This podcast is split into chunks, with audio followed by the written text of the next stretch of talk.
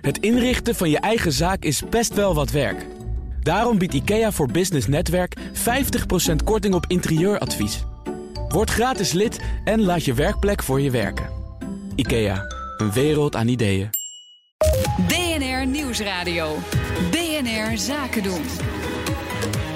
Thomas van Zeil. Unicorns miljoenen ophalen met crowdfunding en ondernemers die worstelen met hun werk-privé-balans. Dat komt allemaal ter tafel in het ondernemerspanel. Een uitstekend uitgedost ondernemerspanel. Elske Doets uiteraard onberispelijk als altijd. Eduard Schaapman, oprichter van Tribes, in een zeer kenmerkend ruitenpak. Zo kan ik het wel zeggen. En natuurlijk Remy Ludo Gieling in zo'n hip t-shirtje van Sprout, waar hij de hoofdredacteur van is, net als van het managementteam. Goedemiddag. Goedemiddag. Goedemiddag, Thomas.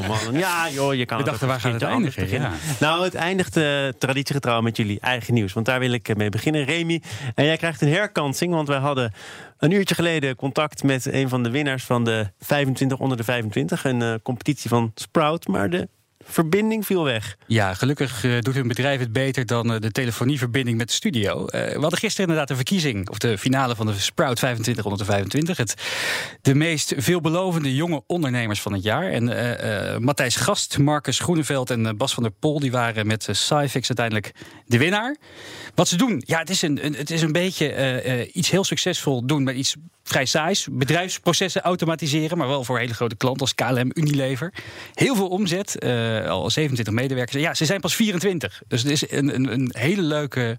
Uh, en ja, daar stokte wel het gesprek overigens, want ik wilde weten hoe het nou toch kan dat een bedrijf dat dan geleid wordt door een paar gastjes van uh, 24 uh, er toch in slaagt om bij die hele grote bedrijven een voet tussen de deur te krijgen. En wel meer dan dat. Je hoort namelijk ook vaak start-ups die daar wel tegen de deur blijven beuken. Maar dat grote bedrijven dan zeggen: ja, maar goed, ja, het is wel belangrijk en het moet allemaal wel degelijk. En liever met bedrijven die we al kennen. En ja, zij komen toch binnen. Ja, ik denk dat ze ook wel een beetje de tijdgeest mee hebben. Elk bedrijf probeert natuurlijk ook te verhippen, ook voor hun eigen medewerkers, om te laten zien dat, dat ze nog wel een beetje mee kunnen doen anno 2019. En ja, dan, dan helpt het als er zo'n hippe start-up om de hoek komt, die ook nog eens goed is in executie. Ja. En als je dan ook nog als ondernemers misschien via wat kanalen een beetje goede lijntjes hebt met, uh, met wat directies, dan en de uh, kom helft, je wel helft binnen. van de medewerkers vrouw. Ja, 40, ja, we hebben 40, bijna 50 procent. Dus dat is wel leuk dat ze daarop sturen, zeker voor een uh, jong techbedrijf. Misschien zijn ze daarom zo succesvol. Dat zou kunnen, dat zou kunnen. We sluiten het niet uit. Zeker natuurlijk. Ja, ja, Elske, ja, ja, zeker. Eduard, wat is jouw nieuws? Ja, uh, gelukkig, we zijn weer aan het klagen in Nederland. Dus ik dacht, uh, laat ik de krans eens overslaan. En ik, inderdaad, uh, Hudson Bay wil al haar winkels sluiten. Oh, ellende bij alle vastgoedjongens. En in diezelfde, in diezelfde krant staat... de vastgoedmarkt in Nederland is zo aantrekkelijk. Dus een beetje tegenstrijdig bericht. Natuurlijk is het vervelend als een retailketen het niet zo goed doet. Nee, daar gaat het niet goed mee. En ze hebben wel langjarige contracten afgesloten. Dat, dat is een deel van het probleem. Maar goed, dat is, dat is uniform in deze markt en dat gebeurt ook zo. En uiteindelijk moet je gaan kijken, oké... Okay, waarom zijn niet alleen Hudson, maar ook die vastgoedeigenaren niet gaan kijken naar wat wil de consument, wat wil de klant? Want ook die vastgoedeigenaren hadden kunnen weten: hé, hey, Vroom en Reesman is niet gelukt, McGregor is niet gelukt, er zijn een aantal andere ketens die niet zijn gelukt. Moeten we dan niet iets gaan anders doen met dat mooie vastgoed wat we hebben? Heel toevallig heeft inderdaad Hudson bij zijn hoofdkantoor in New York wel kunnen verkopen aan WeWork. Dat is een hele ja. grote, leuke coworking uh, partij. En moeten wij dan ook weer niet veel meer kijken naar nieuwe vormen van concepten in dat soort gebouwen. Coworking, co-living. Dan komt het in de buurt van, van waar jij specialist in bent, waar Tribe specialist van is. Andere concepten. Maar, waar gaan we gebouwen voor gebruiken? We moeten ze niet alleen maar gebruiken, gebruiken voor alleen winkels of alleen wonen. Maar uiteindelijk wil die consument veel meer. Er komen hier steeds meer mensen werken in, in Amsterdam. Meer dan dat er wonen. Maar die moeten tussentijds ook ergens wonen, werken. En dat kan allemaal niet met al die regelgeving. In al die grote gemeentes die we hebben. In Amerika gaat het makkelijker. Maar in, in Nederland hebben die gemeentes gewoon uh, ja, heel veel moeite met veranderen van gebruik alle, van alle een wegen leiden naar Elske Doets. We ja. gaan het namelijk weer over Amerika hebben. Is het daar inderdaad veel makkelijker uh, als je tuurlijk, kijkt naar dit soort tuurlijk. regelgeving? Uh, ja. Zij, zij uh, breken soms hele blokken af om iets nieuws, duurzaams neer te zetten. Ja, dat is fijn, verfrissend. Maar Hudson's Bay zit in panden die belangrijk waren voor de stad, hè, waar vaak de VND in zat. Ja. We hebben panden die we allemaal kennen of iconisch zijn of het ja. straatbeeld bepalen. Uh, Hudson's Bay had wel echt toch een ander profiel dan de VND. Was wat duurder, iets meer classy. Had een Canadees profiel. We zijn niet gaan kijken wat wil die Nederlandse consument. Bijenkorf doet het veel beter. Wat heeft hij gedaan? Shop en shop. Daar willen we naartoe. We willen allemaal, hè, tenminste ik niet, maar veel van de mensen willen allemaal online kopen. Nou ja, dan moet je je shopjes kleiner maken en toch zorgen dat je veel beter online bereikbaar bent. Dus luister, we hebben het al zo vaak geroepen. Zelfs toen ik nog op uh, uh, school zat, werd er al verteld. Lang, lang, lang, lang, lang geleden. Je moet kijken wat die klant wil. En de oude traditionele markt, zoals de vastgoedmarkt en de bankenmarkt, kijkt niet naar de klant, maar kijkt wat komt er uit Zijn mijn jullie Excel. wel eens bij Hudson's Bay naar binnen Ja. geweest? Ja. Ja? Ik vond was, het, was het wat? ik ervan kom vond? Ik nooit vond het die fantastisch. Daar, daar ging namelijk bijna niemand anders naar binnen. Het was lekker, rustig. was Ja, heerlijk heerlijk rustig. lopen. Ja. En ik geef toe, ik heb er ook wel... Misschien, dus ik even goed na te denken... heb ik wel wat ik nu aan heb gekocht bij Hudson's Bay. Ja, Nou, daarom. en- Dat bedoel ja, ik. Nou begrijp je het helemaal. Een van die tien producten die in de afgelopen jaren zijn verkocht bij Hudson's Bay... komt Ik gewoon werd bij er Thomas niet van Zelf door geprikkeld. Oké. Nou, dan... want eh, dit, dit zijn andere concepten. Hè. Je moet niet vergeten, we mogen best tro- trots zijn op ons cultuurtje hier in Nederland. Hoe het ook is. Maar als jij denkt als grote Amerikaan. Kijk naar wie was ook alweer de eigenaar van de HEMA. Canadees. Amerikaans private equity. ja, was. Was. Nu is het Nederlander aan de gang. Ja. Nou ja, uiteindelijk zie je toch dat er veel meer gaat gebeuren. En iedereen gelooft er niet in. Ik wel. Want het wordt weer gewoon een concept wat past in Nederland. Ik ga naar het nieuws van Elske Doets. Ja. Dat is namelijk... Nou, ik heb gisteren mijn eerste pitchdag gehad voor mijn vierde editie van mijn eh, Young Lady Business Academy. Ah. En ik richt mij op de doelgroep die net onder de 24 zit, van 15 tot 24. Ja, van tevoren heb ik natuurlijk altijd even koud watervrees. Maar ik ben blij verrast met enorm veel ondernemerschap. Eh, bijvoorbeeld eh, iemand die eh, de voedselverkoop wil verduurzamen. Iemand die al drie bedrijven heeft, 21 is, ook nog op het HBO zit. Maar haar vader. Die is daar niet blij van. Die wil gewoon dat zij gaat werken, 9 tot 5. Terwijl ze al gewoon winst maakt en een inkomen daaruit kan trekken. Het is tegenwoordig toch ook wel een gangbare Eh. opvatting... dat je ook jong zou kunnen beginnen met ondernemen. Ja, eh, een eh, dame die een maatwerk internationaal houtbewerkingsbedrijf wil starten. Eh, En die gaan, eh, die gaan in het eh, proces mee. Hè? Er komt een soort snelkookpan. Die ga jij nu begeleiden de komende weken. dus Met wij- allerlei Ja, ik, ik word daar natuurlijk heel blij van om zoveel ondernemen, ondernemerschap te zien. Dat is er gewoon, ook onder de vrouwen. En er is ook heel veel lef. Ja, we hadden dit jaar ook bij de 2525 meer vrouwen dan, eh, dan ooit tevoren. En daar zijn we natuurlijk heel erg blij mee. We gaan er niet specifiek op selecteren. Nee. Maar als ze er zijn, ja, super gaaf. Ook, eh, ook, in de, ook in de finale, twee dames, Charlotte en eh, Fleur Melkert. Met eh Equalture, die, eh, die, eh, die eh, hadden meegepitcht. Heel gaaf om te zien dat er, dat er ook zoveel jonge dames bezig zijn met grote bedrijven te bouwen. We gaan naar een eh, nog altijd relatief jonge man... die ook al eh, het nodige heeft bereikt in zijn ondernemersleven. Namelijk Ali Niknam. Die kennen de meeste mensen misschien wel van Bunk. Maar eh, hij heeft ook een ander bedrijf. TransIP, een webhostingbedrijf. En dat fuseert met het Belgische Combel. En daarmee wordt dat bedrijf meer dan 1 miljard dollar waard. Een unicorn dus, een Europese techreus. Eh Remy, dan wil ik het niet meteen al te technisch maken... maar die waardering, daar gaat het dan om. En dan zag ik bij RTL Z. De waardering kwam tot stand op basis van vermenigvuldiging van het bedrijfsresultaat. Maar een verdere toelichting daarop willen TransIP en Combel niet geven. Nee, ja, ze, Ja. ze hebben voor mij een ge- gezamenlijke omzet van iets van 170 eh, miljoen euro. Eh, eh, en er zit ook een beetje private equity geld zat er al in Combel. En ik denk dat, dat op basis daarvan gewoon is besloten dat de waardering Laten we zeggen. meer dan een miljard is. En da- daarmee maakt het dus de tweede unicorn van België ooit. Leuk dat het mede mogelijk gemaakt is door een Hollander. En de eerste was namelijk. Eh, dat is een Zo klinkt het namelijk nu. Ja, de eerste Oh, dat durf ik niet eens te zeggen. Sorry. Dan is er, laat mijn eh, geheugen me even in de steek. Leuk is wel, we hadden gisteren Ali in het programma staan van de 2525. Daar kwam hij wat vertellen over voor de jonge ondernemers over zijn andere bedrijf, Bunk, hè, de, de, de Bank of the Free. Kon het niet laten om eventjes toch in te zoomen op die, op die fusie. En, eh, eh, eh, en hij zei daar, daar specifiek over dat, dat hij zo trots op was, omdat hij er een beetje hekel aan heeft dat we altijd maar naar Amerika moeten kijken, naar techreuzen met, met vol ontzag. Moet een keertje andersom, hè? Ja, en hij zegt, ja, mijn, mijn, mijn doel is gewoon om, om daar een tegengeluid aan te laten horen. En daarom is hij zo blij met die, eh, met die, met Ja. die fusie uiteindelijk. Kan, kan het eigenlijk? Want ik, ik zeg het terecht. Hè? Ik denk dat de meeste mensen denken Ali Niknam, Bunk. Eduard, dan heeft hij bijna op de achtergrond voor de meeste mensen nog een bedrijf dat dan samen met dat Belgische bedrijf meer dan een miljard dollar waard is. Hoe ga je dat doen? We komen nog te spreken over werk-privébalans, maar hoe, hoe doe je dit nou netjes als manager, als bestuurder? Ehm, ja, dat lijkt mij een, een dingetje. Lijkt mij eh, eh, niet zomaar één dingetje wat je zo doet. Kijk, ze zitten natuurlijk wel in een, een, een, eh, in een gebied waar ze inderdaad... Het wordt commodity webhosting, laten we eerlijk zijn. Dus uiteindelijk kun je alleen nog maar geld gaan maken... als je veel bij elkaar voegt. Ja, en natuurlijk de private equity club die erachter ziet... die die denkt natuurlijk ook na van... oké, we moeten zoveel mogelijk van dit soort partijen erbij halen... want dan worden we wat waard. Dus dat is de achtergrond. En reken maar dat deze jonge jongens op de achtergrond goed worden geholpen. Eh, eh, eh, de, de, de jongen aan de Belgische kant op zijn 16 jaar begonnen. Ja, het is een fantastisch mooi jongensboek ook weer. Maar uiteindelijk komt het dadelijk ook weer naar een ander onderwerp. Want uiteindelijk lees je dan ook in de tijd eh, over deze jonge man. Ja, bij het sluiten van een recente deal ben ik op restaurant flauw gevallen. Dus ja, eh, werk eh, en balans en leven. We hebben het dadelijk zo meteen over. Knallen wel door, ja. Maar het is wel iets waar je over na moet denken. Nou ja, ik vind het fantastisch hoor. Ik bedoel, als je zo jong bent en dit bereik je met twee van die jonge gasten, eerlijk is eerlijk. Ik heb het gelukkig niet gedaan. Nou ja, en zeker Ali Nikdam. Er is een heel mooi boek ook eh, beschreven, wel zelf uitgegeven. Maar het is een heel goed boek over het begin van, van, van, van Bunk. En eh, eh, nee, zij hebben het zelf uitgegeven. Dus, maar het is een mooi verhaal. Eh, en daar, daarin lees je ook echt wel wat voor, wat, wat voor een eh, eh, krankzinnige werkethos die beste, beste, beste, beste man heeft.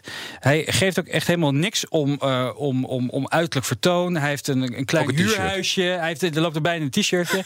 en het enige wat hij wil doen is mooie dingen bouwen. Hij vertelde ook dat hij, dat hij, dat hij heel trots was toen hij een keer eh, een stuk weiland had gekocht om daar een enorm datacenter neer te zetten. Dat, dat, dat vindt hij leuk. Nieuwe dingen bouwen.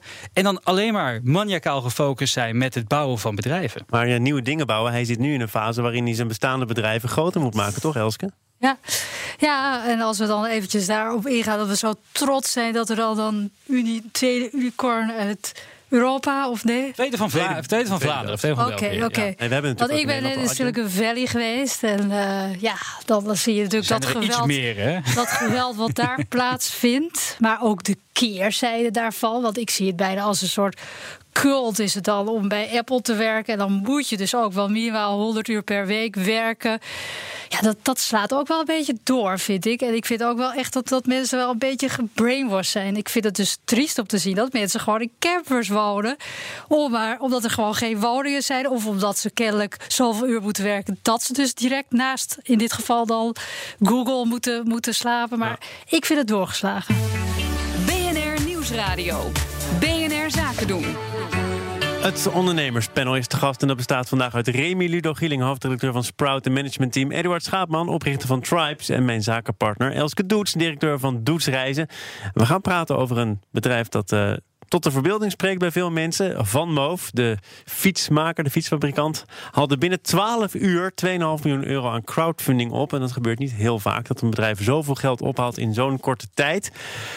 Remy, dat is één deel van het verhaal. Maar als je kijkt naar de financiering van Van Moof, eh, waar de laatste tijd wat berichten over zijn verschenen, dan moet jij ons even door het doolhof leiden. Ja, het is best wel complex geworden. Natuurlijk, bekend fietsenmerk. Eh, er staat er hier ook eentje voor de deur, eh, zag ik net, eh, zag ik net al. Een eh, BNR van Mo Laat fiets. je verder niet weerhouden daardoor? Maar eh, ja, ze, ze, zijn, ze hebben eh, vorig jaar of het jaar daarvoor een, een, eh, is er een eh, investeerder ingestapt. eh, Slingshot Ventures, grote ondernemersvisie. Eh, ze hebben 12,5 miljoen geleend bij de bank. Eh, ze hebben vorig jaar een crowdfunding gedaan met een paar miljoen.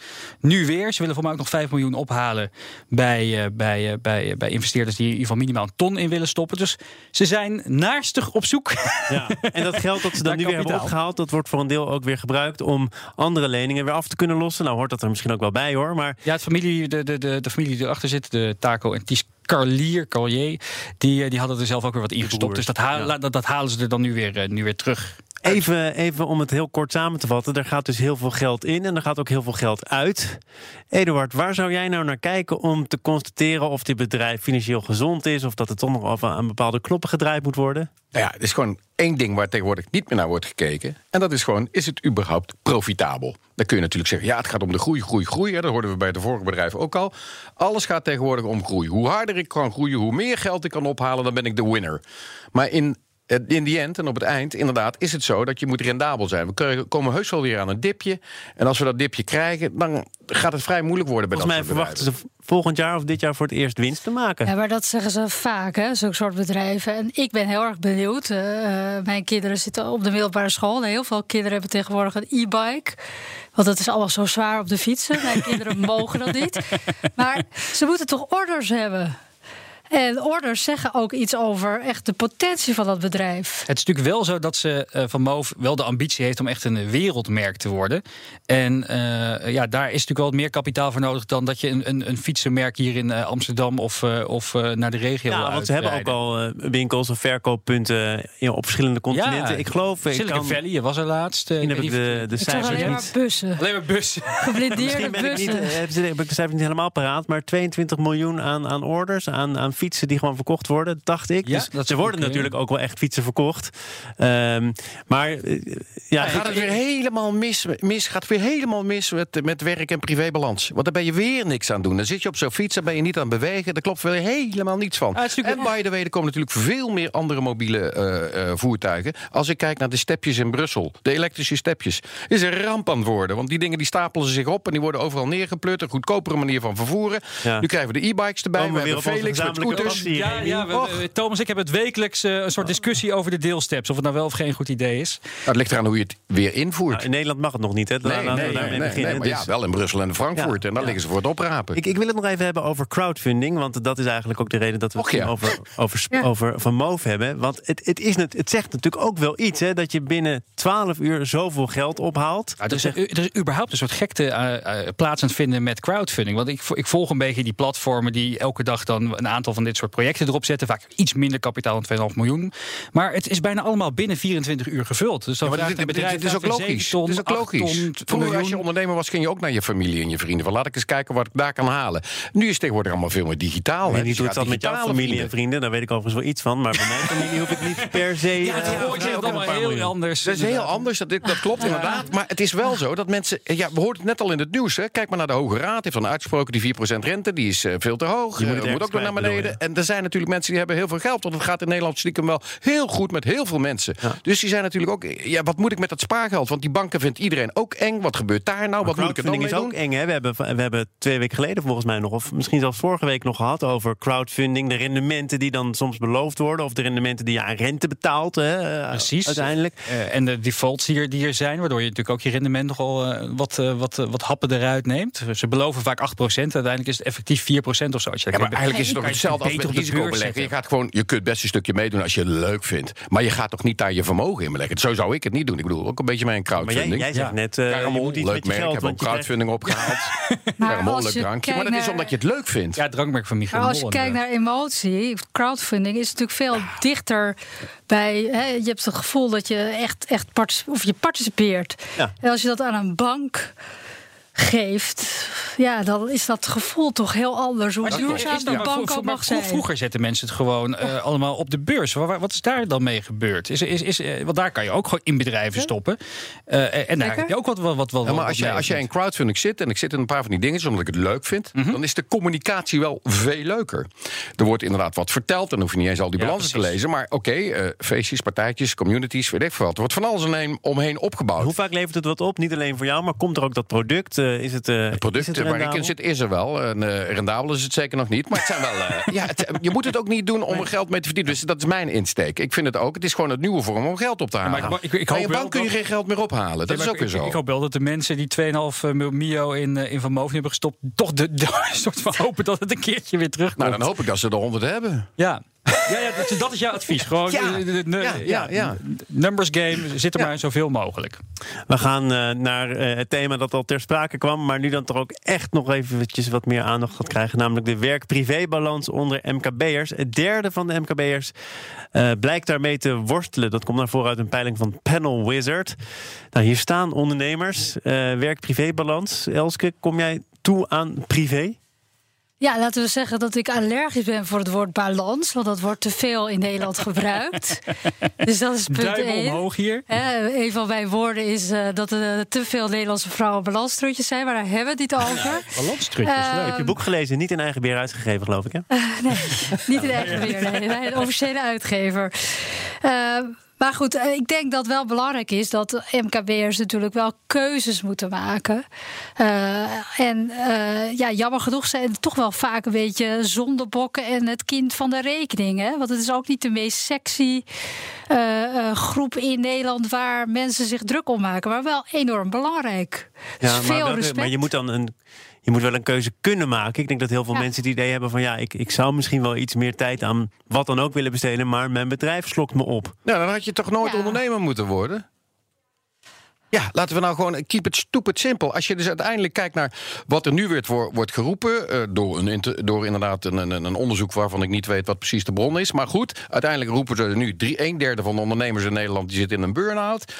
Ja, je moet wel goed nadenken als je inderdaad in een, onderneming op gaat starten. Kijk, nou het, scheelt natuurlijk ook heel veel. Je, je, kan juist je eigen uren bepalen. Precies, en ondernemerschap maakt heel erg mensen juist vaak heel erg gelukkig, omdat je heel tastbaar bezig bent. En je kan, dus hebben ze misschien een verkeerde keuze gemaakt. Is misschien meer delegeren. Misschien moeten we ondernemers een delegeercursus geven. Nee, je moet, je, moet, je, juist. Ondernemers zijn worst van cursussen. Uiteindelijk krijg je die opleiding als ondernemer toch. Eh, ik bedoel, ik krijg een mevrouw Doets, die komt ook uit een ondernemende familie. Uiteindelijk kom je daar vandaan. En dan trui je, of je hebt een partner die ook begrijpt wat jij doet als ondernemer. Want als dat die basis niet goed is, en als er thuis wordt gezegd door de balanstrusjes uh, van mevrouw Doets: van je moet ook thuis zijn, want uh, de kinderen die moeten met jou samen eten, dan krijg je ellende. Van tevoren moet je in die relatie die je hebt met iemand anders goed een afspraak maken. Wat verwacht ik van jou, wat verwacht je van mij? Kan het ook zo zijn dat uh, je gevoel over je, zonde, zonde over je, je eigen leven of je onderneming voor een heel belangrijk deel samenhangt met hoe goed het met je onderneming gaat? Want als het goed gaat en als je denkt, ik heb de wind in de zeilen en we gaan er morgen weer voor, dat je dan net ook wel wat meer kunt hebben dan wanneer je